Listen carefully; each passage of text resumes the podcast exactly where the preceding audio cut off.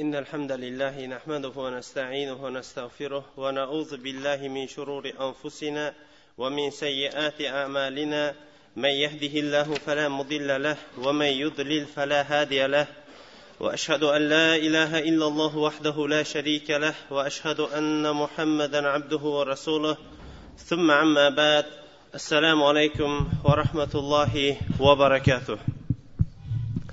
Alloh taoloning go'zal ismlari va oliy sifatlari bilan ushbu majlisimizni muborakli va turli va katta kichik gunohlardan xoli bo'lgan majlislardan qilishligimizni tarqalishligimizda esa alloh taoloning ilm halaqalarini qidirib yuruvchi farishtalari bizlarga qarata ey ollohning bandalari endi sizlar o'rninglardan turaveringlar vaholanki sizlarning gunohinglar endi kechirilindi degan majlislardan qilishligini so'rab suhbatimizni boshlaymiz imom zahabiy rahimaullohning gunohi kabiralar deb atalgan al kabair kitobidan qilayotgan darsligimiz to'rtinchi gunohi kabira namozni tark qilishlikka yetib kelgan edik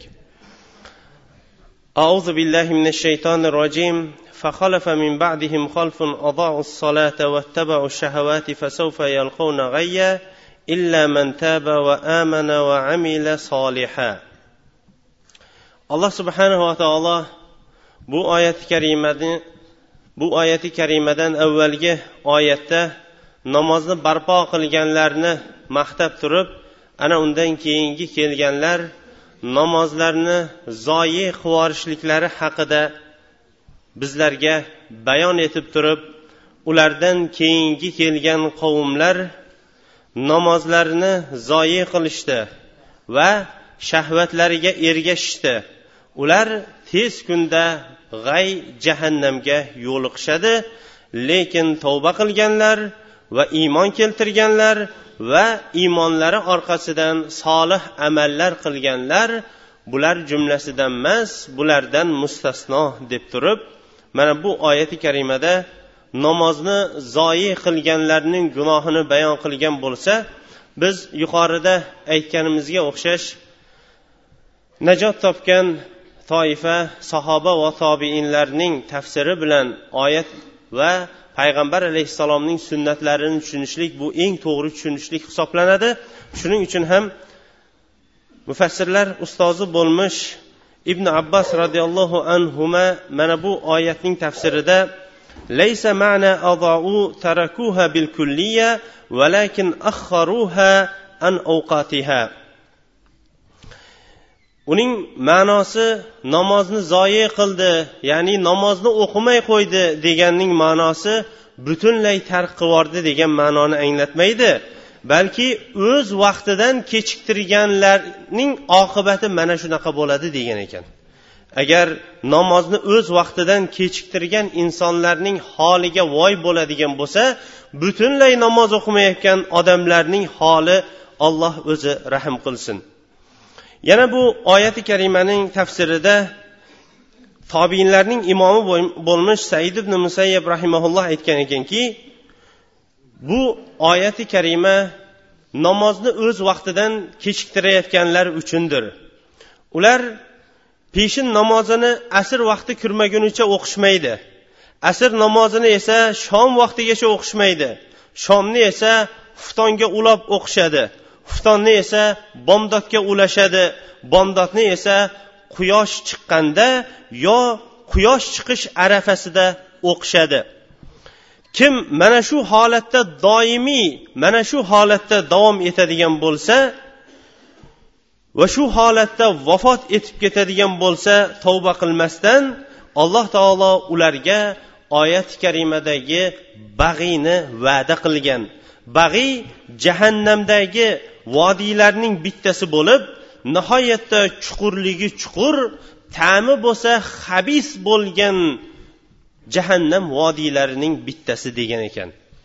Agar namozni o'qib lekin namozni o'z vaqtida o'qimasdan keyingi namozgacha cho'zib o'tirgan odamlarning yoyinki doim namozga uxlab qolishlikni odat qilgan va ertaroq bomdod namozini o'qishlikka harakat qilmagan insonning holi jahannam bo'ladigan bo'lsa namoz o'qimaganlarning ahvoli qana bo'lar ekan?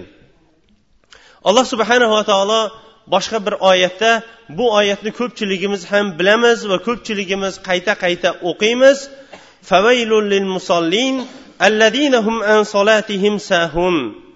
Namozlarida beparvo bo'lgan namozxonlarning hollariga voy bo'lsin deydi. Namozlarida beparvo bo'lgan namozxonlarning hollariga voy bo'lsin deb alloh subhanava taolo namozlarida beparvo bo'lganlarning hollariga vaylni e'lon qilyapti. Jumhur mufassirlarning hammasi ham vayl agar qur'oni karimda ya payg'ambarimiz alayhissalomning hadislarida keladigan bo'lsa u albatta jahannamdagi vodiylarning bittasidir degan. Mufassirlar esa bu oyatda namozlaridan g'ofillar yoinki namozlarida beparvo bo'lganlar degan ekan. Said ibn abi vaqos roziyallohu anhu aytadiki saaltu rasululloh sollallohu alayhi vasallam عن الذين هم عن صلاتهم ساهون قال هو تأخير الصلاة صحيح موقوف البيحقي said ibn abi vaqqos aytadiki mana bu oyat haqida payg'ambar sollallohu alayhi vasallamdan so'radim ya'ni namozlarida beparvo bo'lganlar haqida so'ragandim payg'ambarimiz sollallohu alayhi vasallam namozni o'z vaqtidan kechiktirishlikdir deydi Boshqa bir ulamolar aytgan ekanki vayl degani bu jahannamdagi shunday bir katta bir vodiyki agar bu vodiyga dunyodagi tog'lar qo'yilinganida bu tog'lar bardosh berolmasdan erib ketgan bo'lardi bu vodiyning qattiq issiqligidan. Lekin namozni o'z vaqtlarida o'qimasdan beparvo bo'lganlar mana shu vodiyga tushishligi va'da qilingan deydi alloh subhanava taolo boshqa oyatda namozni nihoyatda qattiq ta'kidlab turib auzu billahi minash shaytonir rojim يا أيها الذين آمنوا لا تلهكم أموالكم ولا أولادكم عن ذكر الله ومن يفعل ذلك فأولئك هم الخاسرون ey iymon keltirgan kishilar sizlarni mollaringlar bola chaqanglar ollohning zikridan to'sib qo'ymasin.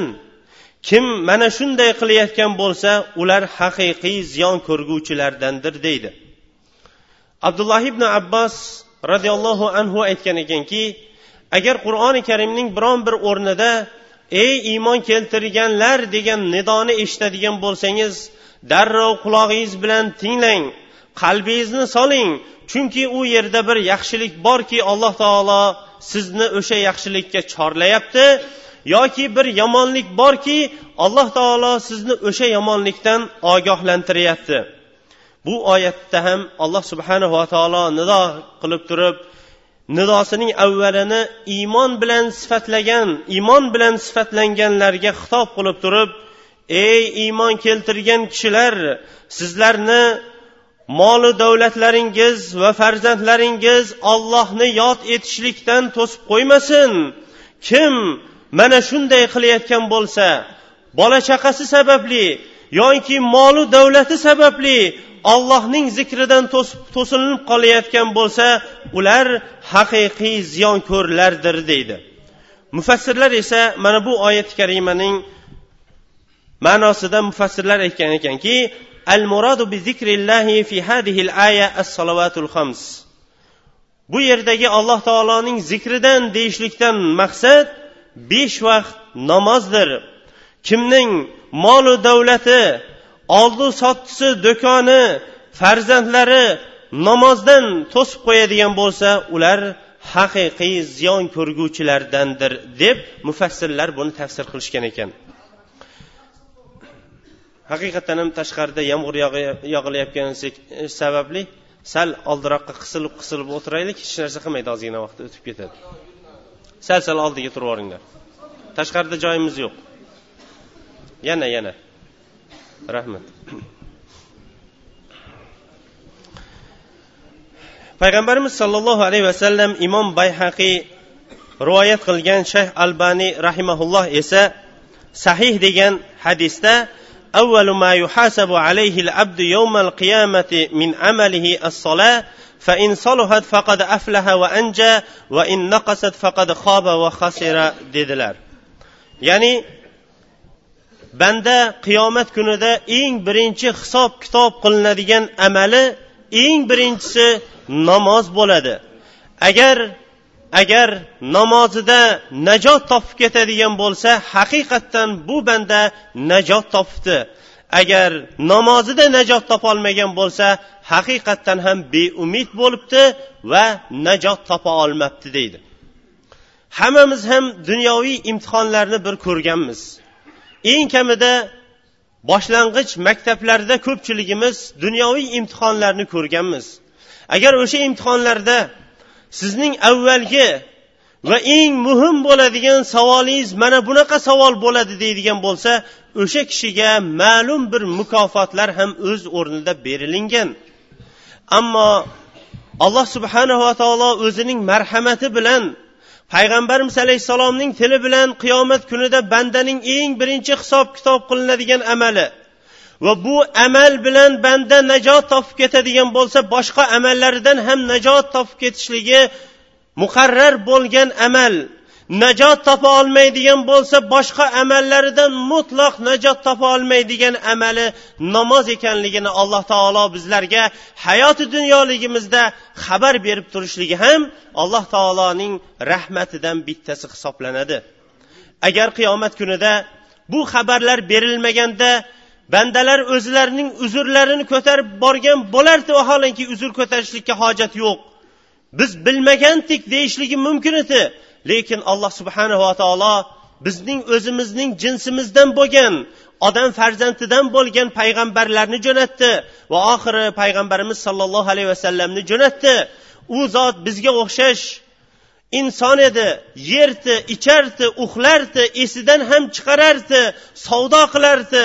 Lekin savdosi ham yeyishligi ham ichishligi ham uylanishligi ham agarchi bizning bitta oilamiz bo'lsa u kishining to'qqizta oilasi bor edi. Bitta mamlakatning hokimi edi. Lekin u kishini bu amallari namozdan beparvo qilib qo'ygani yo'qdir. Kim mening tijoratim namozimdan namozimdan to'sib qo'yadi desa payg'ambarimiz alayhissalom sizdan ko'ra yaxshiroq tojir edi derdik. Kim bola chaqam ahlu ayolim meni namozimdan to'sib qo'yadi deydigan bo'lsa payg'ambar alayhissalom sizga o'rnak emasmidi? Payg'ambar alayhissalomning huzurida payg'ambar alayhissalomning huzurida to'qqizta onamizni tark qilgan holatda vafot etdi degan u uchun hujjat barpo bo'lib qo'ygan edi. Alloh taoloning huzuriga biron bir uzr ko'tarib borishlik uchun bizlar uchun endi uzr qolgani yo'q. Shunda ham payg'ambarimiz alayhissalom vasiyat qilib turib va bayon qilib turib aytdilarki banda qiyomat kunida eng birinchi hisob kitob qilinadigan amali amallar ichidagi amali namoz bo'ladi. Agar namozida najot topsa boshqa amallaridagi hisob kitobidan najot topib ketadi. Agar namozidan najot topolmaydigan bo'lsa boshqa amallaridan mutlaq najot topa olmaydi deb turib xabarini berdi. Alloh taolo u zotni olamga rahmat etib jo'natgan edi. Vama arsalnaka illa rahmatan lil alamin. Alloh subhanava taolo uning ustiga jahannamga tushganlar haqida ham bizlarga qur'oni karimda nihoyatda ko'p o'rinlarda ularning holatlari va qanday holatda azoblanishliklari dunyoda kimlar bilan do'st bo'lgan va qaysi amallarni qilgan va hatto nima sababli jahannamga tushganliklari haqida ham bizlarga dunyodaligimizda xabarini bergan o'sha xabarlardan bittasida alloh subhanava taolo qur'oni karimda shunday deydi auzu billahi minash shaytonir rojim ما سلككم في سقر قالوا لم نك من المصلين ولم نك نطعم المسكين وكنا نخوض مع الخائضين وكنا نكذب بيوم الدين حتى أتانا اليقين فما تنفعهم شفاعة الشافعين jahannamga tushganlar ulardan so'ranilarkan sizlarni jahannamga tushishinglarga nima sabab bo'ldi deb hozirgi kunda bemorxonalarga boradigan bo'lsangiz darrov bemorlar bir birlari bilan tanishganlaridan keyin qaysi og'riq bilan kelganliklarini so'rashadi. Zindonga kelganlardan holidan xabar oladigan bo'lsangiz zindonga hukm qilingan kishilar o'zlarining xonalariga mahbuslar kirishligidan avval o'zlari bilan o'tiradiganlar uning hukmini eshitib bo'lgan bo'ladi. Jahannamda ham o'zaro bir birlaridan ular so'rashadi. Sizning jahannamga tushishligingizga nima sabab bo'ldi deganda ularning eng birinchi qilgan javoblari lam naku minal musollin biz namoz o'qiydiganlardan bo'lmabmiz deydi ekan jahannamga tushishlikning eng birinchi sababini jahannam egalarining o'zilari aytyaptiki namoz o'qiguvchilardan bo'lmabmiz miskin miskinlarga ovqat beradiganlardan ham bo'lmabmiz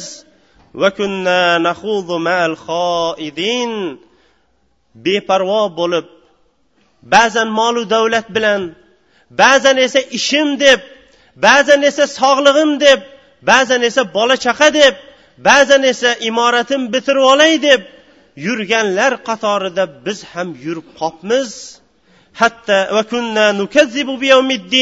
u yetmagandek qiyomat kuni bo'lishligini yolg'on ham sanabmiz. Namoz o'qing desangiz qanchalari ko'rib kelganlar bormi deydi. Namoz o'qing desangiz qanchalari savobi bunday bo'ladi desangiz savobingiz o'zingizda qolsin deydi. Va kunna nukazzibu biyawmiddin qiyomat kunini ham yolg'on deb sanabmiz. Hatta atanal yaqin hatto bizga aniq mana bu kun kelib qolibdi o'sha kunning avvali u kishining vafoti edi. Endi ularga shafoat qilguvchilarning o'rtaga tushib ularning gunohlarini kechib berishni so'rovchilarning ham shafoati o'rtaga tushgan o'rtachiligi endi ularga foyda bermaydi. Payg'ambarimiz sollallohu alayhi vasallam namoz bobida nihoyatda qattiq turdilar. Namozga shunchalik qattiq turdilarki boshqa amallarga turmaganchalik namozga qattiq turib aytdilarki al ahdullazi baynana va baynahum as-sola faman tarakaha faqad kafar. Muttafaqun alayh. Biz bilan ular kofir va mushriklar o'rtasidagi narsa namozdir. Kim namozni tark qiladigan bo'lsa shubhasiz kofir bo'pti dedi. Boshqa hadisda baynal abdi val kufri tarkus sola muttafaqun alayh banda bilan kufr o'rtasini ajratib turadigan narsa namozdir dedi. Payg'ambarimiz sollallohu alayhi vasallam umumiy ravishda bizlarga namozni barpo qilmaganlar yoyinki namozni mutloq o'qimaganlar haqidagi umumiy ravishdagi vaidlarni bayon qilgan bo'lsa xususiy ravishdagi ba'zi bir xos bo'lgan namozlarga ham to'xtab o'tdilarda. Man صلاة salatul asri habita amaluhu البخاري إمام imom رحمه الله رواية qilgan hadisda kim asr namozini o'qimagan bo'lsa amallarining hammasi habata bekor bo'pti dedi. Besh vaqt namoz ichida alloh subhanahu va taolo asr namoziga ko'proq e'tiborni jalb qilishligimizga ko'proq buyurdi. Haqiqatdan ham qur'oni karimga e'tibor beradigan bo'lsak auzu billahi minash shaytonir rojim hafizu ala salavati va solatil usto namozlarning hammasini ham o'z vaqtida barpo qilinglar va xossatan asr namozini o'rta namozini mufassirlar uni asr namozi deyishgan.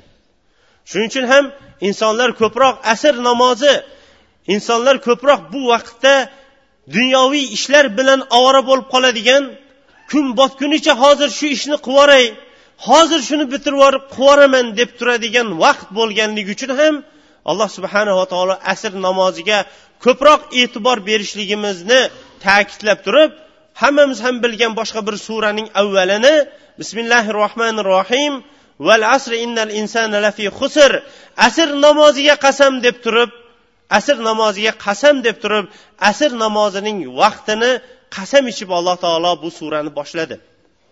Ibn usaymin rahimaulloh aytadiki alloh subhanahu va taolodan boshqaga bandalar qasam ichishligi shirkdir. Lekin alloh taolo xohlagan narsaga qasam ichadi. Olloh qasam ichgan narsalar albatta e'tiborli yoyinki buyukligiga dalolat qiladi deydi. shuning uchun ham alloh subhanava taolo mana bu o'rinda asr namoziga qasamdir deyapti وأن رسول الله صلى الله عليه وسلم قال من ترك الصلاة متعمدا فقد برئت منه ذمة الله kim biron bir namozni qasddan tark qiladigan bo'lsa alloh taoloning undan zimmasi pok bo'ldi endi allohning zimmasi unda qolmadi degan hadisni imom ahmad rivoyat qilgan shayx albaniy rahimaulloh sahih degan ekan rasululloh sollallohu alayhi vasallam namozning ahamiyati va foydalariga yana e'tibor berib turib aytdilarki من حافظ عليها كانت له نورا وبرهانا ونجاة يوم القيامة ومن لم يحافظ عليها لم تكن له نور ولا برهانا ولا نجاة يوم القيامة وكان يوم يوم القيامة مع فرعون وقارون وهامان وأبي بن خلف kim namozlarni o'z vaqtida barpo qiladigan bo'lsa o'z vaqtida o'qiydigan va payg'ambar alayhissalomning ko'rsatmasidek xushu huzu bilan o'qiydigan bo'lsa bu namoz u kishi uchun nur hujjat va qiyomat kuni uchun najot bo'ladi deydi payg'ambarimiz alayhissalom nur bo'ladi deyapti namozni. Boshqa hadisda payg'ambarimiz alayhissalom bashiril mashaina ilal masajid fi zulmati binurin tamin yawmal qiyama. Zulmatli kechalarda masjidlarga ko'p boruvchi kishilarni to'liq nur bilan qiyomat kunida xushxabarini bering deydi. Haqiqatdan ham ko'p yillardan buyon namoz o'qib kelayotgan yoshlari namoz bilan keksaygan suyaklari namoz bilan qotgan otaxonlarning yuzlariga qarasangiz ulardan nur topasiz. Ammo alloh o'zi saqlasin yoshligidan kashandalik yoki mast qiluvchi ichimlik yo gunoh bilan kelayotgan insonlarning yuziga qaraydigan bo'lsangiz ularning yuzidan zulmatni topasiz. Payg'ambarimiz alayhissalom kim namozni barpo qiladigan bo'lsa egasi uchun namoz nur bo'ladi hujjat bo'ladi. Va qiyomat kunida najot bo'ladi. Kim namozni barpo qilmaydigan bo'lsa u uchun nur ham bo'lmaydi hujjat ham bo'lmaydi qiyomat kunida najot ham bo'lmaydi. Qiyomat kunida u kishi fir'avn bilan qorun bilan homon bilan va ubay ibn halaf bilan birga bo'ladi deyishdi. Bu hadisning sharhida muhaddislarimiz aytgan ekanki kimning kimning qo'l ostidagi ishchilari ko'p bo'lib yo vazirligi yoinki hokimligi biron bir mamlakat ustida turganligi bilan ovora bo'lib turib namoz o'qimaydigan bo'lsa bunday odam qiyomat kunida fir'avn bilan birga bo'ladi. Kim o'zining vazirligi sababli vazirligi sababli biron bir mansabdagi vazirligi sababli namoz o'qiy olmayotgan bo'lsa bu kishi qiyomat kunida homon bilan birga bo'ladi. Chunki homon hammamizga ham ma'lumki fir'avnning vaziri hisoblanadi. Fir'avn bo'lsa u ham hammamizga ma'lum o'zini iloh degan davoni qilgan eng katta tog'utlarning bittasi hisoblanadi. Yana kim deganlar muhaddislarimiz aytgan ekanlarki kim savdo sotig'i sababli namoz o'qiyolmayotgan bo'lsa ubay ibn halaf bilan qiyomat kunida birga bo'ladi. Chunki u makkadagi makkaning kofir tijoratchilarining kattasi edi. Va kim o'zining dunyosi bilan ovora bo'lib qoladigan bo'lsa shu dunyo ovoragarchiligi bilan namoz o'qiy olmayotgan bo'lsa u qiyomat kunida qorun bo'ladi. Alloh taolo qorunga nihoyatda ko'p dunyo bergan edi. Hatto qur'oni karimda qorunning xazinalarining kalitlarini tuyalar ko'tarishlikka qiynalganligi haqida xabar beradi. Xazinalarini emas xazinalarining kalitlarini lekin shunchalik molu dunyo kimga qoldi? Alloh taolo uni shunchalik bergan molu dunyosiga shukur qilmay kofir bo'lganligi uchun uning o'zini ham hovlisini ham molu davlatini ham yer bilan yakson qilib yerga yuttirib yubordi. Boshqa hadisda payg'ambarimiz sollallohu alayhi vasallam man taraka man taraka salatan maktubatan mutaammidan faqad bariat minhu zimmatullohi azza va jal. Kim bir farz namozni qasddan tark qiladigan bo'lsa allohning zimmasi undan pok bo'pti dedi. Umar ibn xattob roziyallohu anhu aytdilarki ama annahu la hazza li ahadin fil islam adaa salata imom molik muattada umar ibn hattobdan rivoyat qilgan bu asarda umar ibn hattob aytdilarki ammo namozni behuda qilgan zoyi qilgan kishilarning islomdan nasibasi yo'qdir dedi yana rasululloh sollallohu alayhi vasallam إذا صلى العبد الصلاة في أول الوقت صعدت السماء saidat ila sama va laha nurun hatta tantahiya ila al arsh agar banda namoz o'qiydigan bo'lsa avvalgi vaqtida bu namoz osmonga ko'tariladi va osmonga ko'tarilgunicha unga nur bo'lib boradi va o'z allohning arshiga yetadi va o'z egasi uchun istig'for so'rab turadi dedi.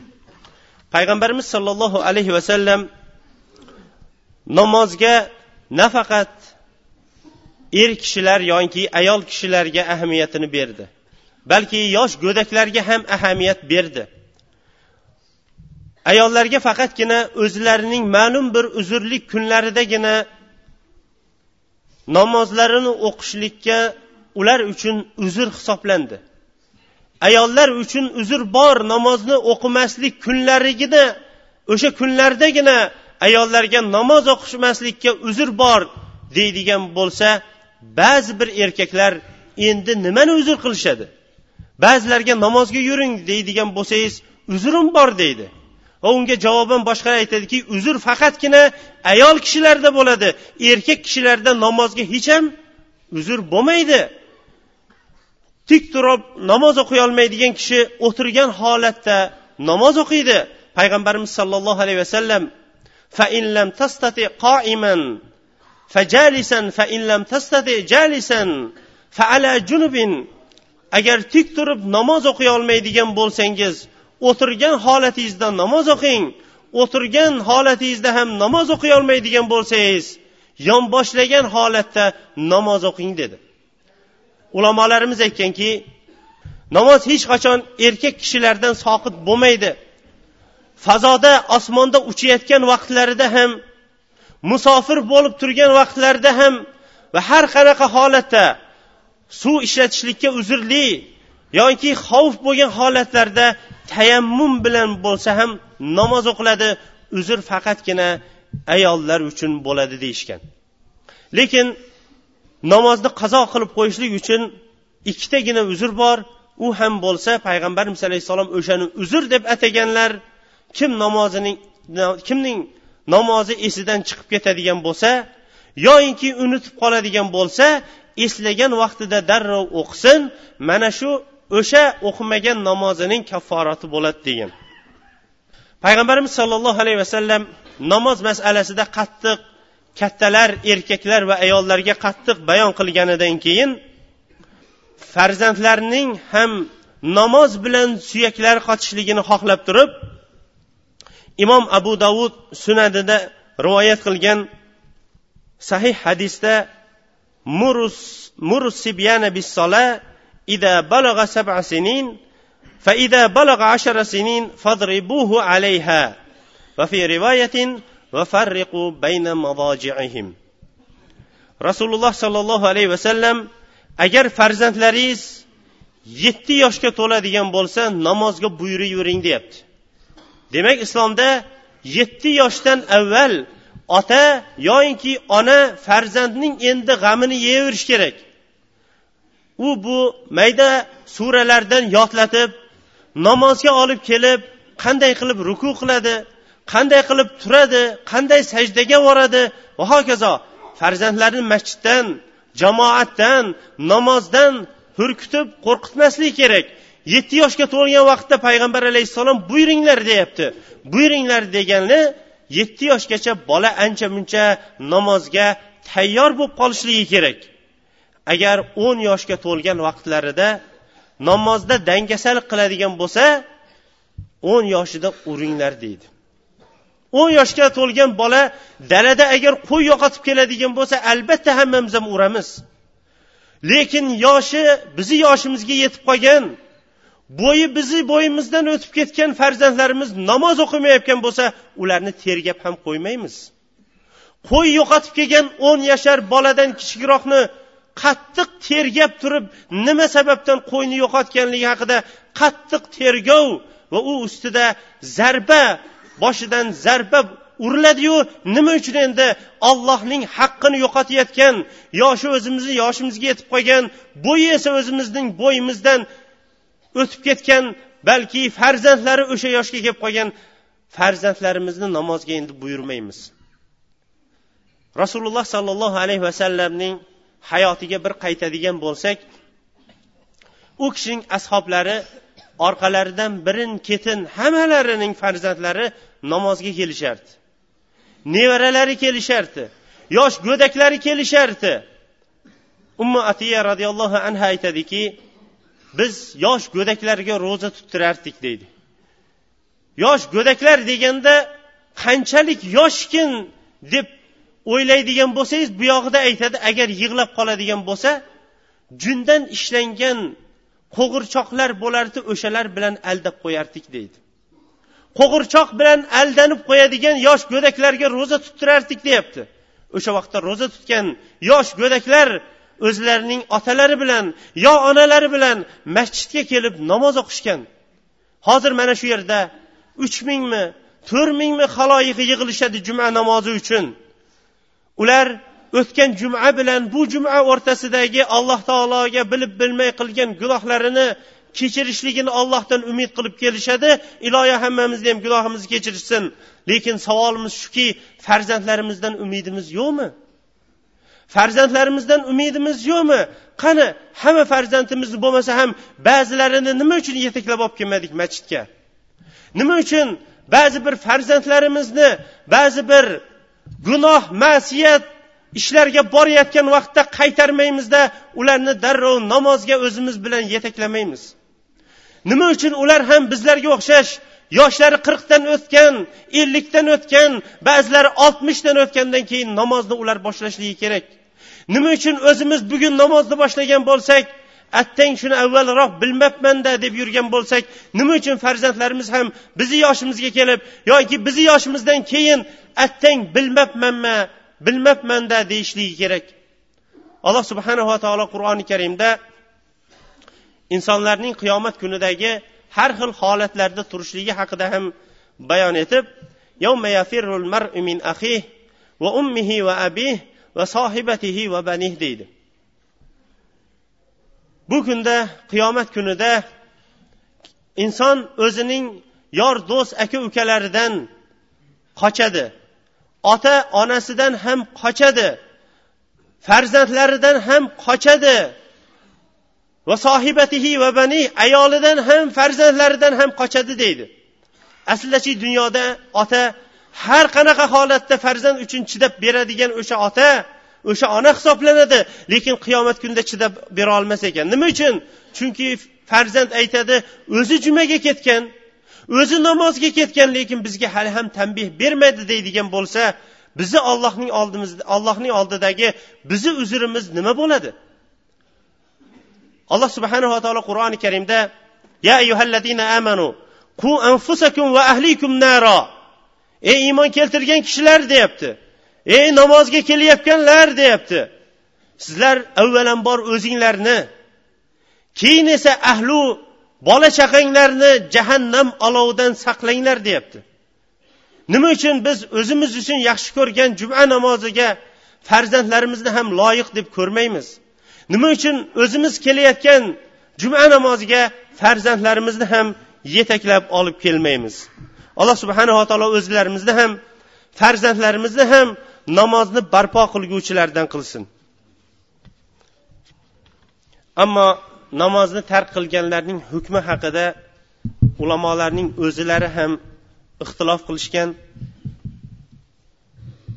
Namozning namozni tark qilganlarning hukmiga to'xtaydigan bo'lsak nihoyatda ko'p odamlarni cho'chitib qo'yamiz. Chunki ular gapira olgan asrlardagi gaplarni hozirgi odamlar mutlaq u gaplarni ko'tara olmaydi. Lekin imom azam rahmatullohi alayh shu gaplar ichida eng yengil gapni gapirgan ekan. Eng yengil gapni imom azam rahmatullohi alayh gapirgan ekan. Aytganlar ekanki namozni tark qilayotgan insonlar zindon band qilinadi degan ekan.